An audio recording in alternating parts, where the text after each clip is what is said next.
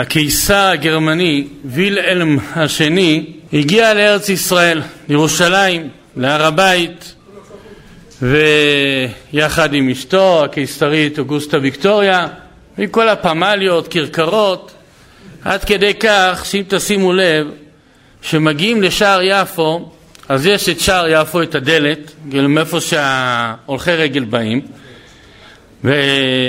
וכשאתה עובר את השער יש כניסה של כביש לכאורה אם יש שם דלת אז החומה צריכה להמשיך הלאה איך יש שם כביש? למה החומה לא ממשיכה אחרי הדלת, אחרי השער? זה קרה שהגיע הקיסר וילם השני אז העות'מאנים, בגלל שהוא בא עם כל הפמליה שלו והכל הם רצו שהוא יוכל להיכנס, הם שברו את החומה ליד שער יפו שברו את החומה כדי שיוכל להיכנס ואמרו אחר כך נבנה חזרה את החומה. נשבור את החומה הם שברו. על לבנות החומה חזרה הם לא בנו.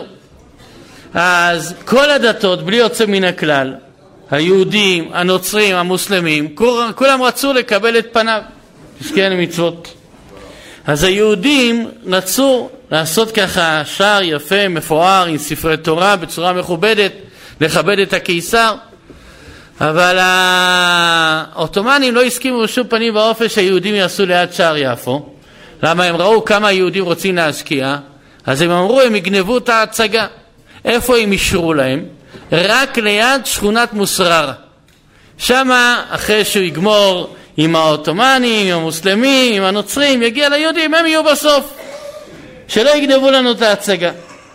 אז הם באו ושאלו היה אז הראשון לציון רבי יעקב ישראל אלישר, רבי יעקב מאיר אלישר עליו השלום והיה, הוא היה החכם באשי, רבי יעקב שאול אלישר והרב האשכנזי היה רבי שמואל סלנט. אז הם שאלו אותם מה לעשות? האם להילחם על זה, לא להילחם? אמרו להם תוותרו. ואל תדאגו, הגו, ההוא הגוי הזה, הקיסר הזה, יגיע אליכם ראשון. וככה הם עשו, עשו את השער איפה? במוסררה, בשכונת מוסררה ליד המלון איפה שהיה צריך להתארח ולהיות שזה בעצם צריך להיות השער האחרון שאליו הוא ייכנס. התוכנית המקורית הייתה שיגיע ברכבת אבל בסוף הוא שינה את דעתו והוא החליט שהוא מגיע עם סוס. ואז כשהם הגיעו, הוא הגיע עם הסוס אז כל, הכל התהפך. ובמקום להגיע מכיוון המושבה הגרמנית כאילו מצד אה, דרום הוא הגיע מצד צפון ואז השער הראשון שהוא נכנס היה השער של מי? של היהודים. והוא התלהב, הייתה התלהבות מאוד מאוד גדולה. הרב אה, יעקב שאול אלישר בירך עליו שחלק, שנתן מכבודו לבשר ודם ונתנו לו מגילה גם כן, מגילת שלום וטוענים שזה גם כן היה בעצם הספתח של אה, שאחר כך גרמניה כן הסכימה בהקמת מדינת ישראל מי שקצת יודע היסטוריה עם הצהרת בלפור וכולי זה בגלל אותו מפגש הוא נפגש עם אותם יהודים. ו... אז הוא בשבת, בשבת י"ג מר חשוון תרנ"ט בשעה 11 בבוקר הוא מגיע לשערי ירושלים. כל היהודים התפללו בנץ החמה אכלו כבר את, אה, את, את החמין והכל. 11 בבוקר אנשים, נשים וטף כולם באים לקבל את פניו והיה קידוש השם מאוד מאוד גדול מה? מטרת הביקור הייתה להגיע למקומות הקדושים, הוא הגיע להר הבית, הוא הגיע לכנסייה שלהם, יימח שמם וזכרם. זה היה להגיע למקומות הקדושים, בין היתר גם היה בחיפה, היה במקווה ישראל. אז, ה... אז הקידוש השם שנעשה בזה שהרבנים יצאו לקראתו ובירכו עליו שנתן מכבודו לבשר ודם, זה עשה רעש גדול בגרמניה, באירופה, שעם ספרי תורה יצאו ובירכו על מלך גוי. ואז שאלו את רבי שמואל סלנט, היה ראוי להוציא ספרי תורה? ככה, הרי אנחנו יודעים שיש לנו הלכה עד שמועילים בטובם להוציא ספר תורה החוצה, עשרה יהודים, בודקים, מותר להוציא, אסור להוציא. פה בשביל מלך גוי, הרבנים יצאו עם ספרי תורה. אז רבי שמואל סלנט אמר משפט כזה, אנחנו, השאיפה שלנו זה היה והיה השם למלך על כל הארץ. ביום ההוא יהיה השם אחד ושמו אחד. שיתקדש שמו יתברך בעולם לא רק על עם ישראל, אלא גם שאומות העולם יכירו במלכותו יתברך. ולכן שמגיע קיסר כזה, שיש מיליונים שסוגדים לו, יוצאים עם ספר תורה לכבודו, אז מתקדש שמו יתברך בעולם כמו שבאמת קרה. שכולם ראו איך היהודים ככה המברכים שכל הכבוד שיש לו זה בא מהקדוש ברוך הוא אז יתקדש שמו יתברך בעולם כל המהות שלנו זה להביא שיכירו כל העולם כולו במלכותו יתברך וזה פרשת השבוע מה? חג העצמאות של היהודים או של האיראנים? של האיראנים, כן. אנחנו ספר תורה היו מוציאים ספר תורה פסול? למי? בשביל השעה? כן, שעה. אחר כך הרבנים עומדים גם אנשים, כן? ומבין פרה, שוחטים, אחר כך הוא יוצא משוריין, מנשק את היד של הרב, אחר כך הוא מנשק את הספר תורה של ישראל. היו מוציאים ספר תורה פסול? את החומה הזאת העות'מאנים בנו במאה ה-16. 400 שנה, מה? לא, דוד המלך לא היה שם. לא, לא. כן, כן. אז פרשת השבוע יש בה את הקידוש השם הגדול ביותר בעולם. כמו שאנחנו אומרים, בצאת ישראל ממצרים בית יעקב מעם לא עז הייתה יהודה לקדשו. עכשיו מה אנחנו עושים? מקדשים את שמו יתברך בעולם. כשהיה קריאת ים סוף, אומר הפסוק ויבקעו המים. שואל רש"י מה זה ויבקעו המים? היה צריך להגיד ויבקע הים, מה זה המים? אומר רש"י כל מימות שבעולם והמקור לזה במחילתא המחילתא אומר אף המים שבבורות ושבמערות ושבכד ושבכוס ושבצלוחית ושבחבית נבקעו בן אדם בא לשתות כוס מים, מה קרה לכוס? נפגעה לשניים. הכל מכל כל. ולכאורה נשאלת השאלה, למה היה צריך הקדוש ברוך הוא שכל מימות שבעולם ייבקעו? הרי אתה עכשיו רוצה שעם ישראל יעברו את ים סוף, אז שיבקע ים סוף ועם ישראל יעברו. למה היה צורך שכל מימות שבעולם, כוסות, חביות, קדים, הכל מכל כל נבקע? או, מה רצה הקדוש ברוך הוא? אז היום שקורה משהו הכי קטן באיזו מדינה נידחת, כל העולם יודע. ברגע אחד ברשתות הכל רץ תמונה והם מעבירים בכל העולם כולו. אז לא היה אפשרות כזאת. איך כל העולם ידע שהקדוש ברוך הוא קרע את הים לעם ישראל? מה עושה הקדוש ברוך הוא? יש מאמר שאומר שהים עלה לגובה, נכון. אבל מה עשה הקדוש ברוך הוא? קרע את כל המימות שבעולם. בן אדם עכשיו נמצא באיים הקריביים, בא לשתות כוס, מה קורה לכוס שלו? נפגעת לשניים. מה קורה פה? מתחיל לשאול את החבר שלו, וזה את החבר שלו. ומזה כל העולם כולו ידע, שמעו עמי מרגז ונחיל אחז יושבי פלסת, נעמוגו כל יושבי חינן. איך כולם ידעו מה קרה בקריית ים סוף? למה? כי נבקעו כל מימות שבעולם. התקדש שמו יתברך בכל העולם כולו. ולמה דווקא עכשיו? מה קרה דווקא עכשיו שהקדוש ברוך הוא פרסם בכל העולם? למה לא במכת דם? למה לא במכת דם הקדוש ברוך הוא היה עושה שלא רק המים ביאור המצרי היה נהפך לדם, אלא גם במיסיסיפי, גם באמזונס, גם שם הכל היה נהפך להיות דם, וכל העולם היה מכיר במלכותו יתברך. מה קרה דווקא עכשיו בקריאת ים סוף שהקדוש ברוך הוא רוצה לפרסם את שמו בעולם? מה? כן, אבל עשרת המכות בעצם באות להראות שמה? שהקדוש ברוך הוא שולט על כל העולם, נכון? אז למה הוא עושה את זה רק במצרים? תעשה את זה בכל העולם, שכל העולם יכיר וידע. מה קרה בקריאת ים סוף שדווקא שם הוא פרסם לקדש את שמו בעולם? אלא בקריאת ים סוף עם ישראל הסכים למות על קידוש השם. אמר הקדוש ברוך הוא למשה רבנו מה תצעק אליי? דבר אל בני ישראל וייסעו. כל עם ישראל נתנו ידיים, נכנסו לתוך המים ונכנסים לתוך המים והים לא נבקע וממשיכים עוד צעד ועוד צעד והים נהיה יותר עמוק ויותר עמוק עד שהגיעו מים עד נפש זהו, אנחנו טובים, ועל דעת זה עם ישראל נכנס למים. הקדוש ברוך הוא אמר להיכנס למים, אנחנו נכנסים. אבל אנחנו נטבע שם, זה לא מעניין אותנו. הקדוש ברוך הוא ציווה, אנחנו עושים.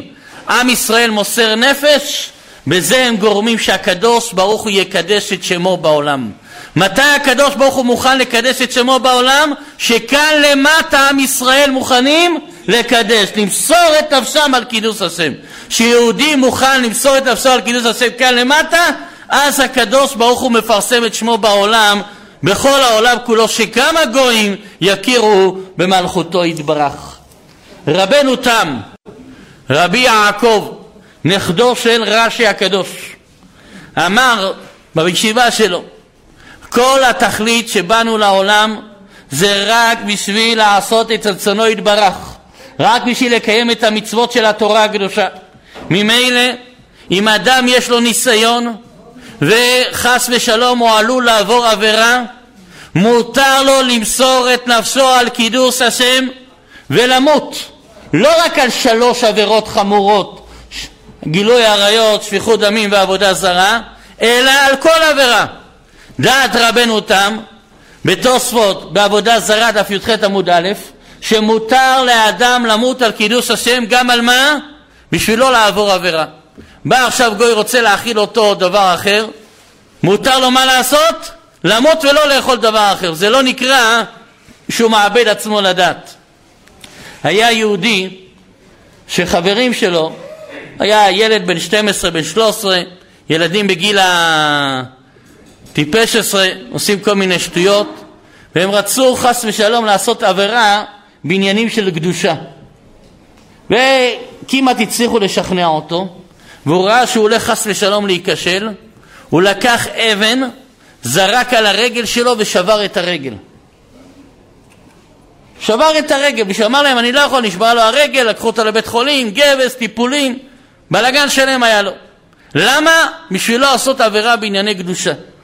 לפני שהוא נפטר, הוא העיד על עצמו שבגלל המסירות נפש שהוא עשה, שהוא הסכים לשבור, שהרגל שלו תישבר ולא להיכשל בענייני קדושה, שכל ימיו הוא לא פגם בבריתו. ולכן הוא אמר שהוא לא מוכן להיקבר ליד סתם אנשים. הוא הרי כזה קדוש, זכה לשמור על קדושה כל ימי חייו, הוא לא מוכן, יהודי שהוא לא, לא, לא, לא, מפרסם, לא, לא מוכן שיפרסמו את שמו, והוא נקבר ליד ילדים. הוא ביקש שיקברו אותו ליד ילדים, כי הוא שמר על הקדושה ורוצה. הנה עכשיו י"ב שבט, זה יום פטירתו של ראש ישיבת ראשית חוכמה, חכם שבתאי יתון. י"ב שבט. אז היום בלילה, הלילה י"ב שבט יום פטירתו של חכם שבתאי יתון. אז היה חכם ששון מזרחי עליו השלום, חכם ששון מזרחי הוא קבור בסנהדריה והוא הזהיר שמי שלא שמר את עצמו בענייני קדושה שלא יעז להיקבר לידו. נפטר חכם ששון מזרחי, קברו אותו, אף אחד לא העז להיקבר לידו. הוא, הז, הוא, הוא הזהיר שמי שלא שמע על עצמו בענייני קדושה, שלא יעז להיקבר לידו. שלפני שנפטר חכם שבתאי אתון, אמר, אני ראוי להיקבר לידו. וחכם שבתאי אתון קבור ליד חכם ששון מזרחי. לא, זה חכם ששון לוי. אז רבנו תם אמר בישיבה שלו שמותר לבן אדם בשבילו לעבור עבירה, מותר לו לאבד את עצמו לדעת. היה לו שם תלמיד. כל עבירה שבאים להכשיל אותך בעבירה, גם לא שלוש עבירות חמורות, כדי לא להיכשל בעבירה, אם אדם יודע שהוא צדיק והוא לא רוצה להיכשל בעבירה, מותר לו למות ולא לחטוא. מה? זו שיטת רבנו תם. קוראים לך יעקב, לא? לא, לא קוראים לו יעקב, קוראים לי ישראל. ישראל, אה, טוב. עד כאן. אז, אז רבן, זו הייתה שיטת רבנו תם. היה שם תלמיד שלו, קראו לו רבי יום טוב הקדוש. רבי יום טוב הזה היה רבה של העיר יורק, ובשנת 1100, כמה זה? כמעט אלף שנה, אז היה המלך הנרי השני, הוא היה מלך אנגליה. כשהוא מת, יורש העצר שלו היה ריצ'רד לב הארי. והוא אמר שמיד אחרי שהוא ייבחר להיות מלך, הדבר הראשון שהוא יעשה, הוא ייסע לארץ ישראל ויכבוש את הארץ הקדושה מידי המוסלמים. זה היה מסעי הצלב. ואז הוא נבחר ועמדו להמליך אותו למלך והקהילה היהודית בלונדון עכשיו ממליכים אותו למלך, את ריצ'רד לב הארי, אז הקהילה היהודית באה גם כן. אז האספסוף הלונדוני אמר, אתם רוצים ללכת לגאול את הארץ הקדושה, ללכת לארץ ישראל. אז איך אתם מסכימים שיהיה פה כופרים? ואז החילו הפרעות הראשונות נגד היהודים. אנחנו מכירים את כל הפרעות שהיו, הפרעות הראשונות בהיסטוריה שהיה נגד יהודים היה באנגליה. כמה שאנגליה משחקת אותה היום, אוהבת את ישראל, הפרעות הראשונות שהיו זה היה באנגליה. זה התחיל בלונדון, מלונדון זה עבר לערים אחרות, בין היתר זה הגיע לעיר יורק. והיהודים התחילו לפגוע ביהודים, הם ברחו למצודה שמה, נסגרו שם במצודה, וכל האספסוף צר על המצודה, ואמר, מי שמוכן להתנצר, שיצא החוצה, יישאר בחיים. מי שלא מוכן, הם הורגים אותו. הם ניסו לפרוץ למצודה ולא מצליחים, ובינתיים היהודים סגורים שם במצודה. ואז הם באו לרבי יום טוב הקדוש ואמרו לו אנחנו מפחדים שהם יענו אותנו ולא נוכל לעמוד בעינויים ונעשה עבירות לכן אנחנו מבקשים שתתיר לנו לשחוט אחד את השני. ורבי יום טוב הקדוש היה תלמידו של רבנו תם ומה רבנו תם אמר? שאם אדם לא רוצה לעבור עבירה מותר לו לאבד את עצמו לדעת התיר להם. והם התחילו לשחוט אחד את השני. במצודת יורק, כמו במצדה, כן.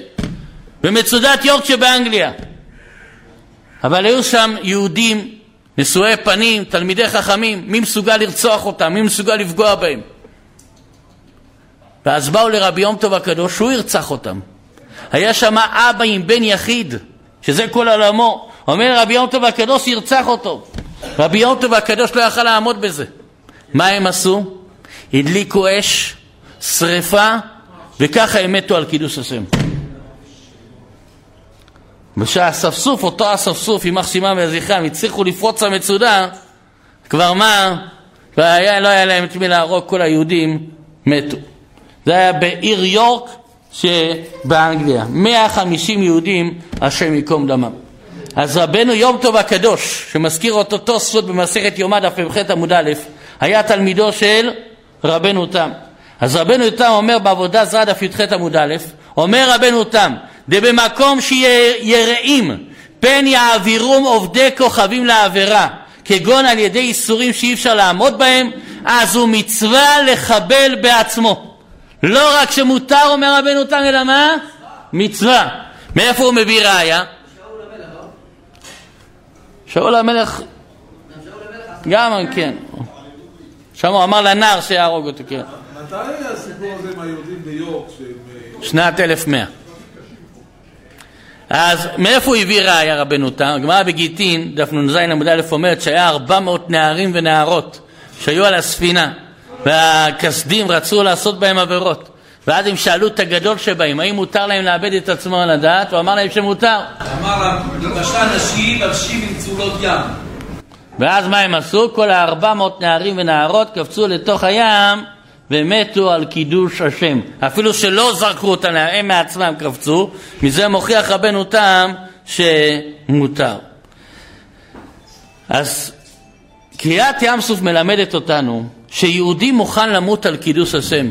מוסר את נפשו על קידוש השם, מה הוא פועל בזה?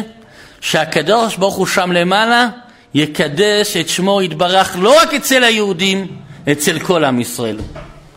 כשאנחנו נמצאים בתקופה הקשה הזאת, שיש חיילים קרביים שיוצאים לקרב, וכל חייל יודע בוודאות שיש ספק מאוד מאוד גדול שהוא לא יחזור הביתה.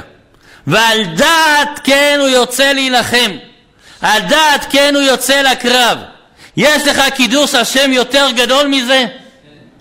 והם כותבים לפני כן מכתב, כותבים צבא, והם מוכנים לזה. הם יודעים שיכול להיות שיקרה את הדבר הקשה מכל, שהם נפרדים מהמשפחה שלהם. ויש שם גם אבות לילדים, וגם הם הולכים על דעת כן. יש לך קידוש השם יותר גדול מזה? מרן הרב עובדיה היה במלחמת יום הכיפורים, אז היה ראשון לציון, והיה אומר כל אותם חיילים הם מקדשי השם, מתו על קידוש השם. והיה הולך בין בית חולים לבית חולים, לעודד אותם, מביא לכל חייל תהילים, מברך אותו.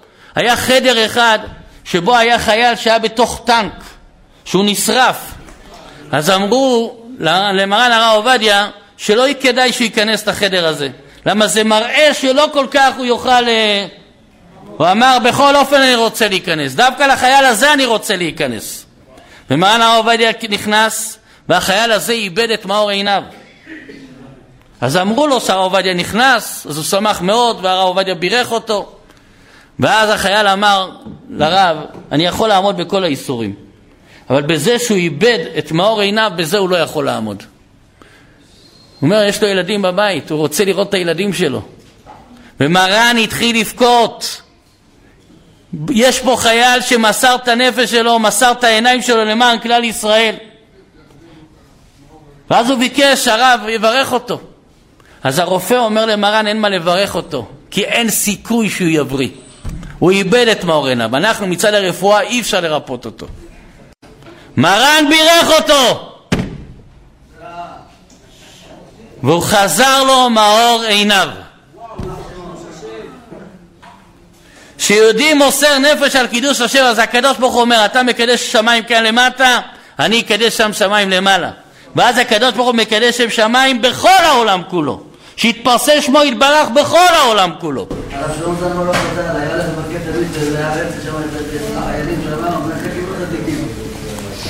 נכון, היה יהודי שבשנת 89 תשמ"ט הוא הוציא אגדה של פסח מתורגמת לרוסית. אז היה הקומוניזם, היה מסך הברזל, היו שם יהודים ואי אפשר היה להעביר בכלל מצות, כל המצוות להעביר לרוסיה זה היה מאוד מאוד קשה, מי שהיה נתפס היו זורקים אותו לסיביר. היה יהודי פה בארץ ישראל שעשה אגדה של פסח מתורגמת לרוסית.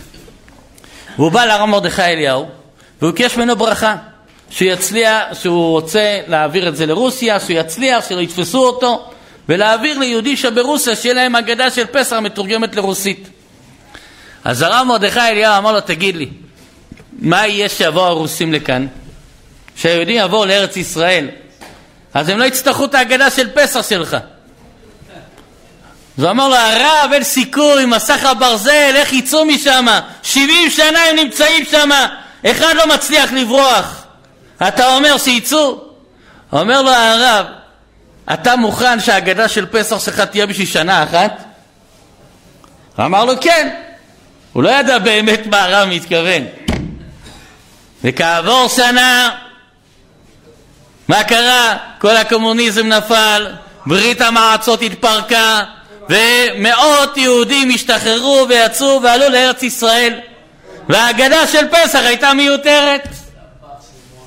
והוא אמר, אותו יהודי שהוציא את ההגדה של פסח, הוא אמר, אף באותו זמן אף אחד בעולם לא האמין שיהודים יצאו מרוסיה.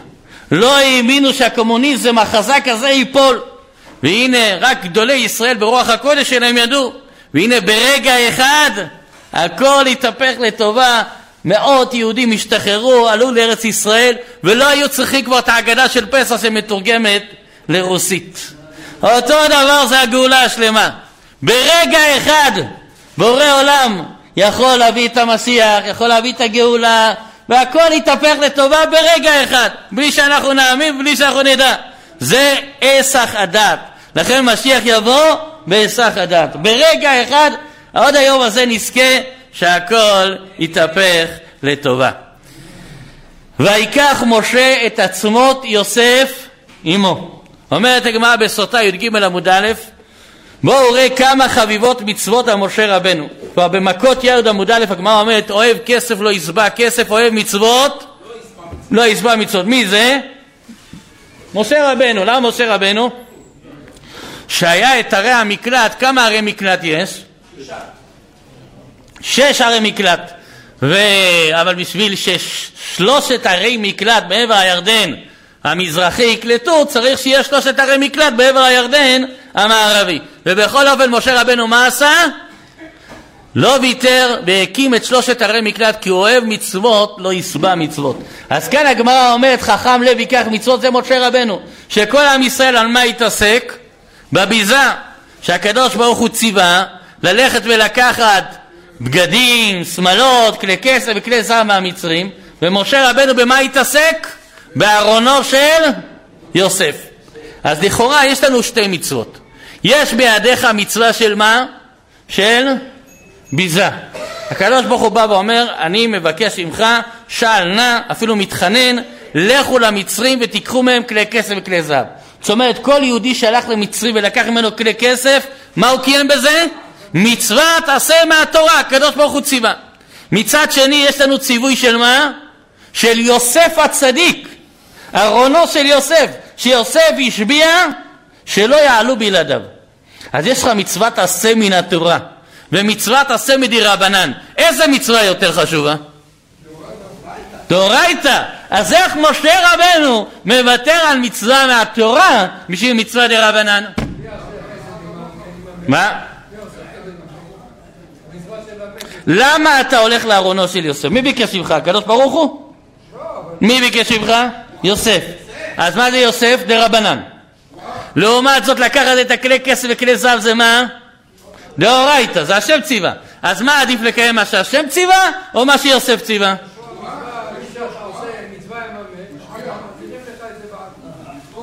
בסדר, אני לא אומר שלא. מה המצווה יותר חשובה?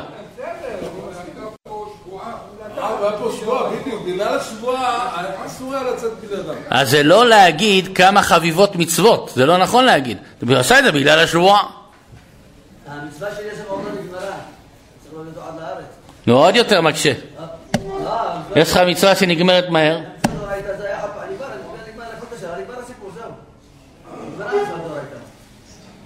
אתה אומר משהו. נכון, נו. בסדר, אבל יש לך פה מצווה דה רבנן מול מצווה מהתורה. מה יותר חשוב, מצווה מהתורה או מצווה מדה רבנן? מהתורה, נכון? דאורייתא ודאי יותר חשוב. אז איך משה מוותר על התורה והולך על דה רבנן? נו. אבל התורה ציוותה, מה לעשות? נכון שזה כסף, וכסף זה שטויות, אבל השם ציווה לקחת כלי כסף. ולפני שהם לקחו את הכלי כסף, הם אמרו, לשם ייחוד קודשא בריחו ושכינתא בדחילו ורחימו ורחימו דחילו חדש שביעות כבב"כ, בייחודה השני. הנה אני בא לקיים מצוות עשה מן התורה. לעומת זאת משה רבנו אמר, לשם ייחוד קודשא בריחו ושכינתא. הרי אני בא לקיים מצוות עשה מדברי סופרים, שציווה אני יוסף הצדיק, לקחת הרעיון.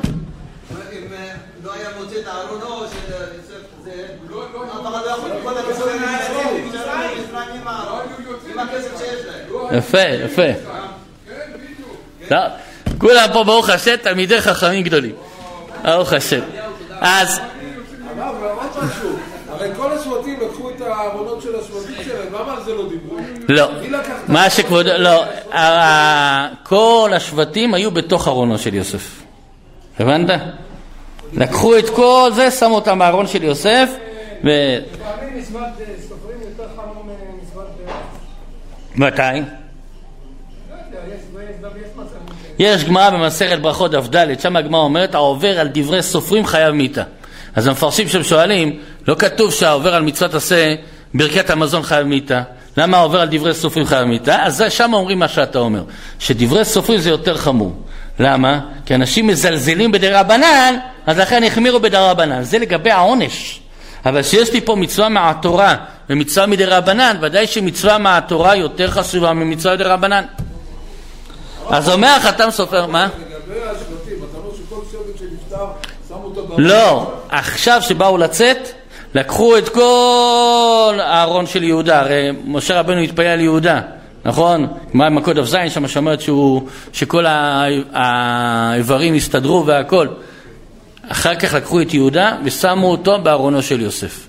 לקחו את יששכר, שמו אותו בארונו של יוסף. את כל השבטים שמו בארון של יוסף, ואת הארון של יוסף איפה שמו? בתוך כבש. נוהג כצאן יוסף. כך כותב תוספות צ'אנץ במסכת סוטה לפי י"ג עמוד א', שאת ארונו של יוסף שמו בתוך כבש, בתוך האור של כבש, ופתאום הכבש הזה קם והתחיל ללכת. ועל זה נאמר נוהג כצאן יוסף, ששמו את ארונו של יוסף בתוך אור של כבש, ואז הכס הזה קם לתחייה והתחיל ללכת. בסדר? אז. אז למה משה רבנו, אתה אומר חכם לב ייקח מצוות, שלכאורה טעה משה, לכאורה חס ושלום נגיד, אבל טעה שהוא בחר מצווה מדרבנן, מצווה מהתורה. אומר החתם סופר, אומר החתם סופר, הוא אומר שים לב, מה כתוב? חביבות מצוות. כמה חביבות מצוות על משה רבנו? זה לא נכון להגיד חביבות מצוות.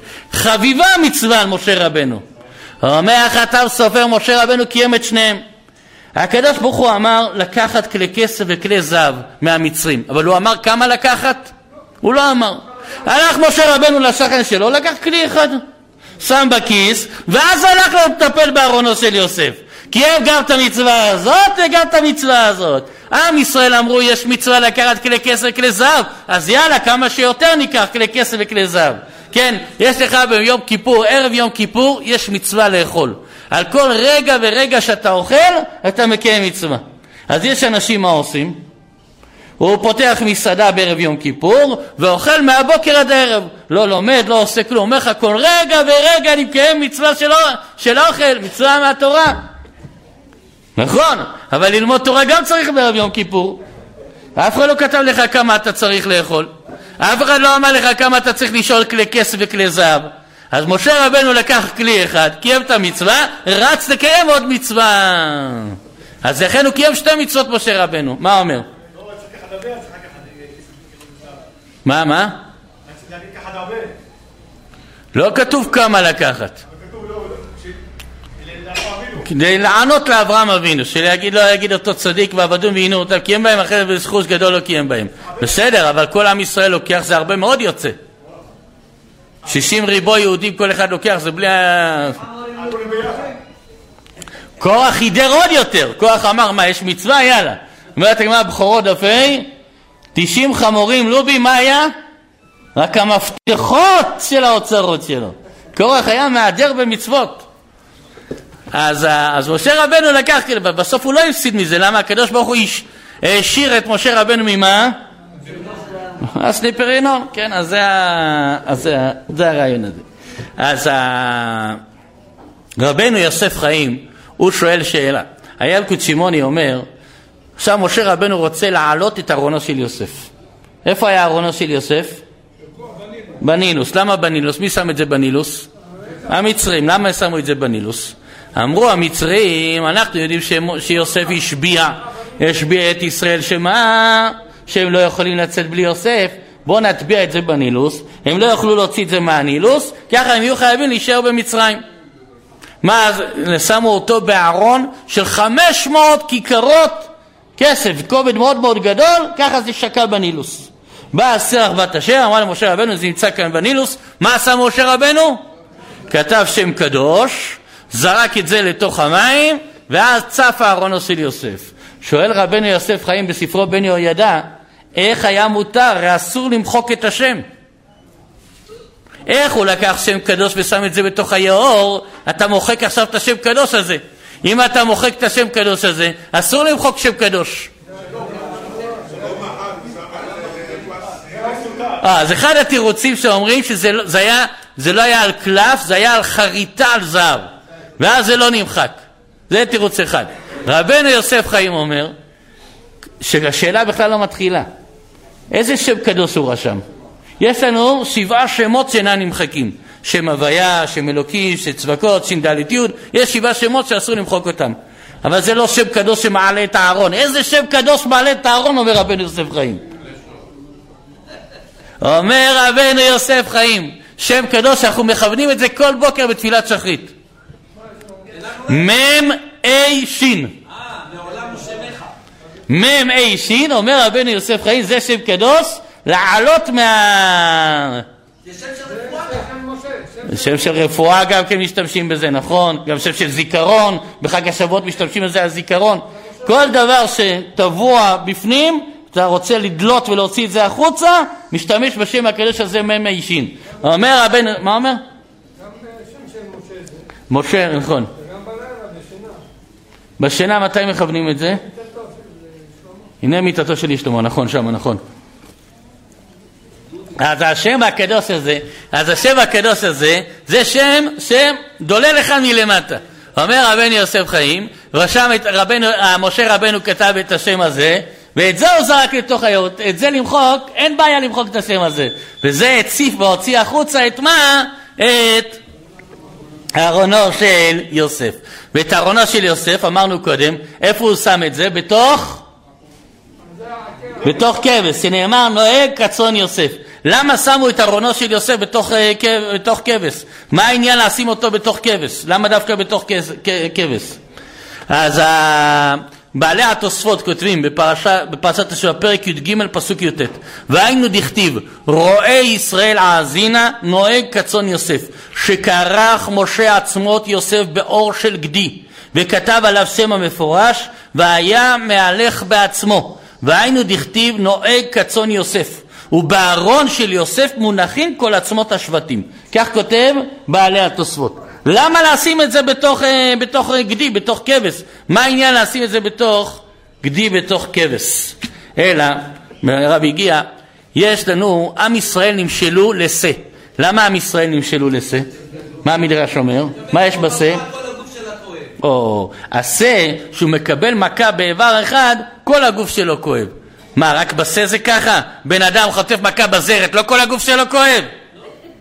אלא מה? השה, הכאב הוא אותו כאב. אתה, שאתה מרגיש בזרת, אז בזרת זה חזק, בגוף אתה, כואב לך השיניים חס ושלום, כן? זה כאב, כואב עמוק, אבל זה לא כל הגוף מרגיש באותה רמת כאב. השה שהוא מקבל מכה, כל הגוף מרגיש באותה רמה של כאב. זה השה. יוסף הצדיק, עכשיו אנחנו צריכים את הזכויות שלך. עם ישראל יוצא ממצרים, צריך לקרוע להם את ים סוף, בזכות מה? הים רעב וינוס, בזכות מי? בזכות נס מפני נס, בזכות יוסף הצדיק, צריכים את הזכויות שלו. אתה יוסף הצדיק תרגיש את הכאב של עם ישראל. כשאתה תרגיש את הכאב של עם ישראל, תפעל לנו ישועה. לכן דווקא הוא שם אותו בתוך שא לרמז את הנקודה הזאת, שמרגיש את הכאב שווה בכל איברי הגוף. על ידי זה שאנחנו עכשיו רוצים שהשבטים הקדושים, האבות הקדושים יתפללו עלינו, שהם ירגישו את הכאב שעם ישראל עובר, יתפללו עלינו לישועות גדולות, ונזכה כבר היום הזה לקבל פני משיח צדקנו בחסד וברחמים, אמן ואמן.